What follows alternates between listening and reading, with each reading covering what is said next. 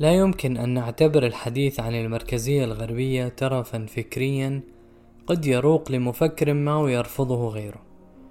إذ إن هذه المركزية النظرية قد غدت منذ أمد بعيد أمرا مسلما به في الفكر الغربي ومفروضا في وسائل الإعلام العالمية وغدت ظاهرة في الطابع اليومي لوسائل التواصل الاجتماعي ومن ثم فإن الحديث عنها مسؤولية نقدية ينبغي تحملها وتبيانها وأداؤها. أثناء قراءتي للكتاب الأخلاق البروتستانتية وروح الرأسمالية لعالم الاجتماع الألماني ماكس فيبر لفت انتباهي ما مهد به الكاتب كتابه حين قال باستثناء الغرب فإنه ما من حضارة تمتلك كيمياء عقلانية وكذلك الأمر بالنسبة للفن فربما كانت شعوب أخرى تتمتع بحس موسيقي غير أن الموسيقى المتكاملة عقلانيا وائتلاف الأصوات كل ذلك لا يوجد إلا في الغرب.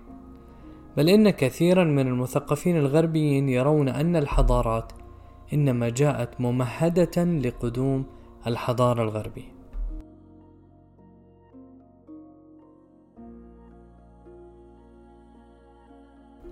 كيف تسللت هذه الفكرة؟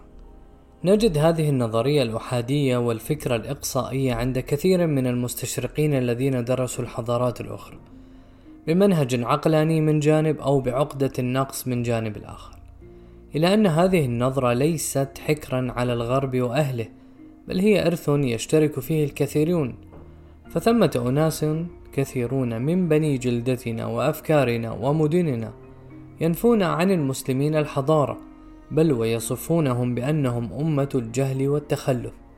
لنعد قليلا إلى كتاب وعود الإسلام للمفكر الفرنسي روجيه جارودي حيث يقول فيه الغرب عارض وثقافته مسخ فقد بترت من أبعاد جوهرية. ومنذ قرون ادعت هذه الثقافة بأنها تنحدر من إرث مزدوج هو يوناني وروماني. يهودي ومسيحي. في الحقيقة لقد انبثقت أسطورة المعجزة الإغريقية لأن هذه الحضارة بترت عمدا من جذورها الشرقية. بهذا القدر من التعمد أيضا يحاول كثيرون قطع التاريخ الإنساني من سياقه ومحو التراكم الذي جرى فيه واقتلاعه من جذوره. في محاولة لتعزيز وتدعيم النظريات التي تحوم حول تفوق العرق الأبيض على باقي الأجناس الأخرى والتأكيد على أن الإنسان الغربي هو أكثر تطورا من الناحية العقلية والنفسية.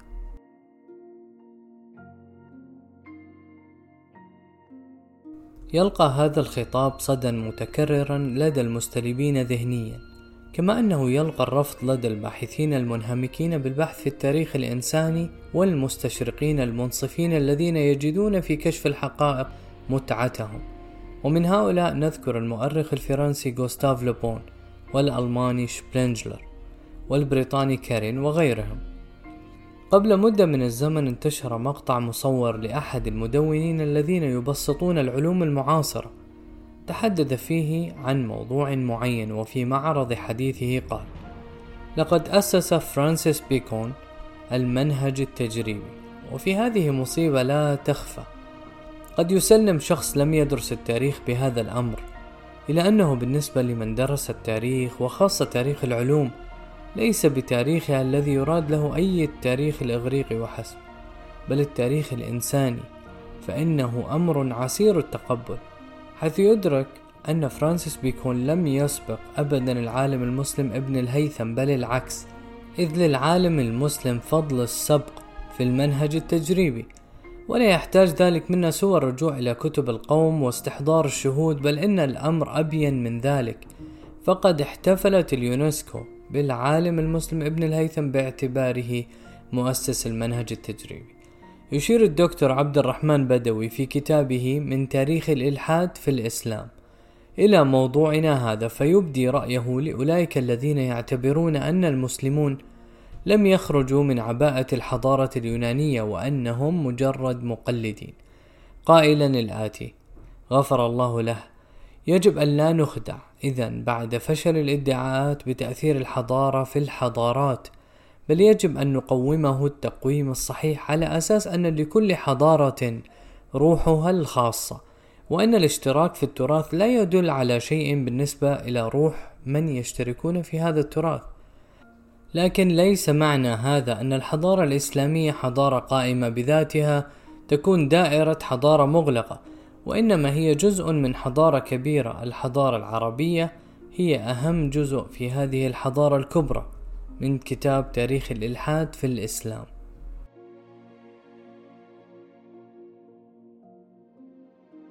أعتقد أن فكرة الدكتور عبد الرحمن تغلق كل المنافذ على المتهافتين من مختلف الجهات حيث يناقش هنا آراء المؤرخين الأوروبيين لا آراء المتعلمين الجدد.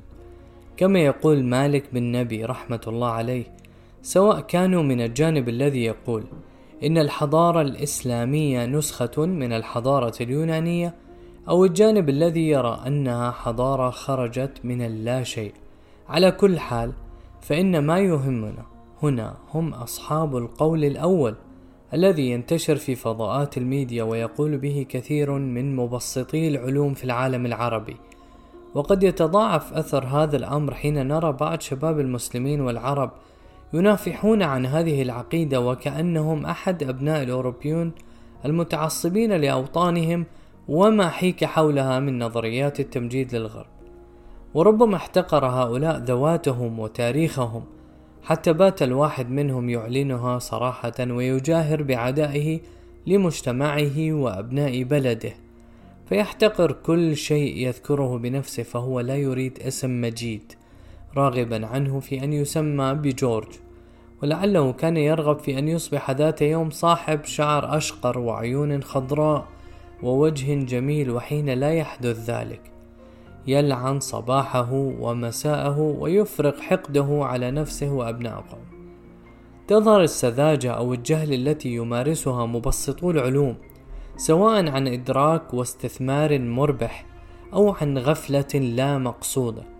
حين نقف عند تعريف الغزو الفكري فهو بحسب الشيخ عبد الرحمن حبنك الميداني كل فكرة أو معلومة أو منهج يستهدف صراحة أو ضمنا تحطيم مقومات الأمة الإسلامية العقدية كانت أو الفكرية والثقافية والحضارية أو يتحرى التشكيك فيه والحط من قيمتها وتفضيل غيرها عليها وأحلال سواها محلة في برامج الإعلام والتثقيف أو النظرة الكلية للدين والإنسان والحياة. إذا ما تمعنا جيدا في المحتوى الذي ينشره بعض مبسطي العلوم الذين لا يؤمنون بالقيمة التي قدمتها حضارتهم الإسلامية للبشرية. فإننا نرى السير نحو تعزيز الغزو الفكري والسير لدعمه سيرا جادا. ولهذا نقول إن مبسط العلوم يجني على نفسه حين يمسي بمثابة العميل الفكري عن علم أو عن جهل وعلى مجتمعه ودينه بتشكيك الناس في نظم المجتمع وتعاليم الدين. والأدهى من ذلك أنه يزيف التاريخ فيعلي تاريخ الغرب المستحدث ويتغافل عن تاريخ الإسلام المبهر والعظيم والذي لولاه لما وصلت البشرية إلى ما وصلت إليه. فلولا جهود الخوارزم الرياضية مثلا ما كتبت هذه الأسطر ولا قرأتها أنت.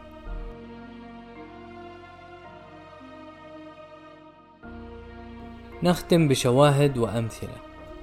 نستشهد بسبق المسلمين على العالم الغربي ببضع أسطر هي عندنا تعادل كتابا. يقول روجي جارودي في كتابه وعود الإسلام وقد مارس العرب التلقيح ضد الجدري بإدخال قليل من قيح دمل متجرثم بمرض الجدري قليلا من شرطه في الجلد وذلك قبل. قبل من؟ قبل جينر بعشرة قرون. ودرس الطبيب الجراح الأندلسي أبو القاسم. مرض السل في الفقرات الذي يدعى مرض بوت قبل بيرسيفال بوت بسبعة قرون ونصف. ومارس ربط الشرايين في حالة البتر قبل إمبراوز باري بتسعة قرون. لقد استند علماء الطبيعة الكبار في العصور الوسطى على أعمال العرب. إن كثيرا من الناس لا يحب أن يسمع حقيقة كون الإسلام بانيا لحضارة عظيمة فهم لا يعرفون عنه سوى وجود بعض التنظيمات العنيفة التي يصورها الإعلام وكأنه المسيطرة على العالم الإسلامي. أما فلسفته وشريعته ونظمه السياسية والاقتصادية التي لا ينكر فضلها المنصفون من الغربيين فإنهم يكادون لا يعلمون عنها شيئا. لقد بنى الإسلام مجتمعات متماسكة وقوية ودولا تحكم ولا تسيطر وذلك مقابل الدولة العلمانية التي خنقت الإنسان وأمسكت بزمام الأمور وانتهت بمجتمعات هي أوهن من بيت العنكبوت. هذا ما لا يعرفونه أو يتجاهلونه. إننا بحاجة لإعادة تشكيل العقل المسلم وبرمجته بما يتناسب وتراثه العريق وتاريخه التليد رغم أن الحال كما قال ابن خلدون المغلوب مولع بتقليد الغالب.